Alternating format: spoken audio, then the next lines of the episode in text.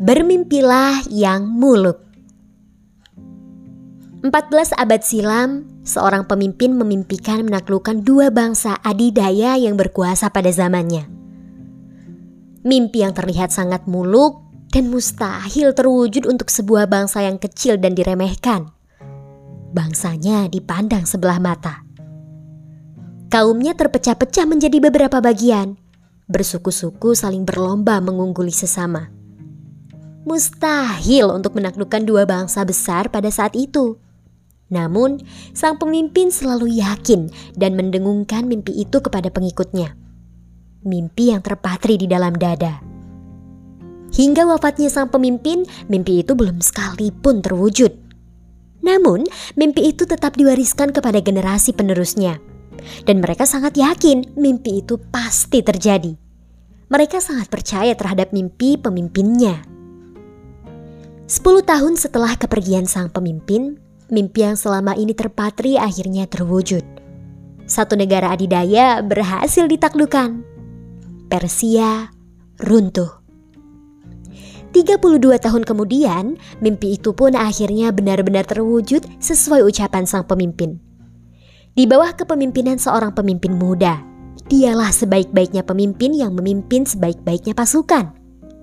Mereka berhasil mewujudkan mimpi itu mimpi yang sebelumnya dianggap mustahil. Konstantinopel berhasil ditaklukkan. Benar, sang pemimpin itu adalah Muhammad Nabi kita yang mulia. Seorang yang menubuahkan kemenangan Islam atas negara adidaya, Persia dan Romawi. Persia berhasil ditaklukkan di bawah kepemimpinan Umar bin Khattab Romawi ditaklukkan oleh Sultan Muhammad Al-Fatih di usianya ke-21 tahun dengan merebut Konstantinopel. Di negeri lain, seorang pria menyaksikan bangsanya ditindas kelewat batas. Bangsanya diperlakukan penguasa semaunya, sesukanya. Ia menyaksikan penjajahan atas negerinya. Kekerasan sudah hal yang biasa terjadi di negerinya. Sulit menemukan rasa kemanusiaan di negerinya. Dia memimpikan dunia yang penuh kedamaian. Dia memimpikan dunia yang bebas dari diskriminasi, bebas dari perang, bebas dari kekerasan. Dia memimpikan dunia yang penuh cinta, dunia yang tak memandang bangsa kulit putih dan kulit hitam. Akhirnya, ia pun mencetuskan sebuah gerakan perlawanan, perlawanan tanpa kekerasan. Baginya, kekerasan dilawan kekerasan tak akan ada artinya dan tak ada habisnya. Kekerasan merugikan kedua belah pihak. Ia pun menggagas sebuah gerakan dengan penuh cinta dan kasih sayang. Empat gagasan perlawanan tanpa kekerasan. Satya Graha, artinya jalan kebenaran. Hartal, berhenti bekerja di pabrik penjajah. Ahimsa, anti kekerasan tak melakukan apa-apa. Dan Swadesi, mencukupi kebutuhannya sendiri. Ya, pria itu dikenal dunia sebagai Mahatma Gandhi, seorang yang dilambangkan sebagai simbol perdamaian. Di negeri yang kita cintai, Indonesia, ada seorang pemuda dari generasi milenial yang juga bermimpi. Ia memimpikan terjadinya transaksi di seluruh Indonesia melalui transaksi digital. Pemuda itu bernama William Tanuwijaya, pendiri Tokopedia. Ia memimpikan pembeli di Merauke dapat bertransaksi dengan penjual di Sabang. Ia memimpikan transaksi barang antar pulau tanpa bertemu antara pembeli dan penjual. Orang-orang meragukan mimpinya karena saat itu transaksi seperti yang William mimpikan belum ada di Indonesia. Ia juga tak memiliki privilege. Ia memang menyandang nama Tanuwijaya di belakang namanya, yang mana orang berpikir bahwa ia berasal dari keluarga konglomerat. Namun, nyatanya ia tak memiliki privilege keluarga konglomerat. Pekerjaan sebelumnya pun menjaga warnet. Orang-orang meragukan mimpinya. Ketika bertemu investor pun, ia diminta memberikan contoh satu orang yang sukses karena membangun transaksi digital. Namun, William Tanuwijaya tetap teguh memegang mimpinya. Ia dapat membayangkan mimpinya secara jelas dan tahu tahapan-tahapan mewujudkannya. Sekarang, semua orang mengetahui Tokopedia adalah pemain besar dalam bisnis transaksi digital di Indonesia. Mimpinya pun terwujud. Ada banyak kisah tentang kekuatan mimpi. Berbagai buku menjelaskan tentang kekuatan mimpi. Berbagai motivator hebat pun membahas tentang kekuatan mimpi. Pengaruh kekuatan mimpi memang dahsyat. Lantas, beranikah kita bermimpi? Ketika kita meninggalkan dunia ini kelak, orang-orang akan melupakan kita. Tapi dengan mimpi yang kita bangun, mereka akan mengingat nama kita. Nama kita akan dikenang, nama kita akan dicatat dengan tinta emas sejarah. Ragamu mungkin sudah mati, namun namamu masih hidup karena mimpi yang kamu wariskan menginspirasi jutaan penduduk bumi selanjutnya. Tanpa mimpi, orang-orang seperti kita akan dilupakan. Maka, bermimpilah. Jangan pernah takut untuk bermimpi. Mimpilah yang muluk. Jika mimpimu belum membuatmu takut akan mimpi sendiri, belum ditertawakan orang lain atau bahkan belum diragukan keluargamu sendiri, artinya mimpimu belum cukup tinggi. Tak masalah jika ada orang yang meragukan mimpimu, karena itu hanyalah antitesa atau cerminan dari ketidaksanggupannya untuk bermimpi tinggi seperti dirimu.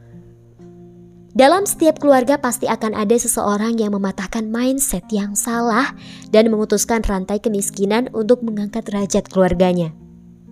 Pastikan orang itu adalah dirimu. Kamu sudah memiliki mindset yang benar. Sekarang, mulailah bangun pondasi mimpimu. Tentukanlah langkah-langkah untuk meraihnya. Tentukan pula apa yang akan kamu korbankan untuk membayar mimpi itu. Ada harga yang harus dibayar untuk sebuah mimpi yang muluk.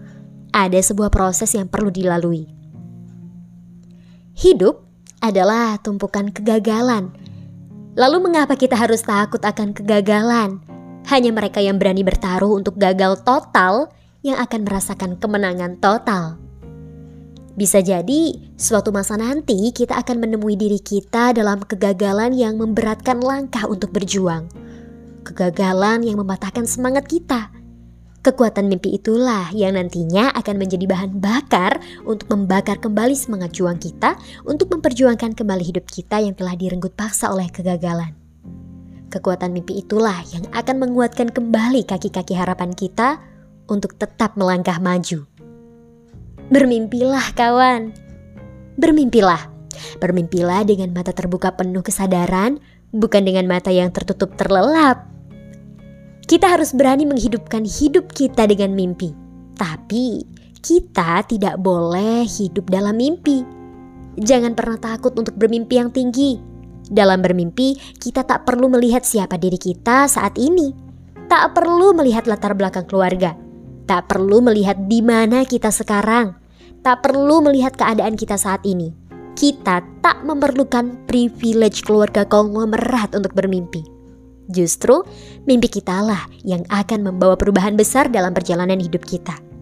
Itulah gunanya mimpi, mengubah keadaan. Jangan terbalik takut bermimpi karena dibatasi oleh keadaan. Karena kita orang biasa, kita bukan siapa-siapa, kita nggak punya privilege apa pun selain diri kita sendiri dan Tuhan.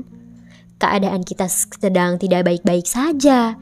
Posisi kita sedang jatuh, keluarga kita hanyalah keluarga biasa pada umumnya, bukan konglomerat. Karena kita memiliki masa lalu yang kelam. Jangan sampai hal-hal itu menyebabkan kita takut untuk memulai bermimpi yang muluk. Jangan sampai alasan itu menyebabkan kita untuk takut bertaruh memperjuangkan hidup kita. Hidupilah hidupmu dengan mimpi, kawan. Ada banyak orang terlahir di dunia ini. Dunia sudah penuh dengan orang rata-rata. Mereka satu persatu lahir dan meninggal lalu dilupakan. Hidup berpuluh tahun hingga usia tua, lalu ketika meninggal seketika namanya dilupakan begitu saja tanpa mewarisi sesuatu yang berarti. Jangan sampai hidup yang mulia ini kita sia-siakan. Berikanlah makna pada hidup kita masing-masing dengan mimpi yang kita yakini sepenuhnya dengan hati yang utuh. Pasti mimpi itu akan terwujud. Bismillahirrohmanirrohim.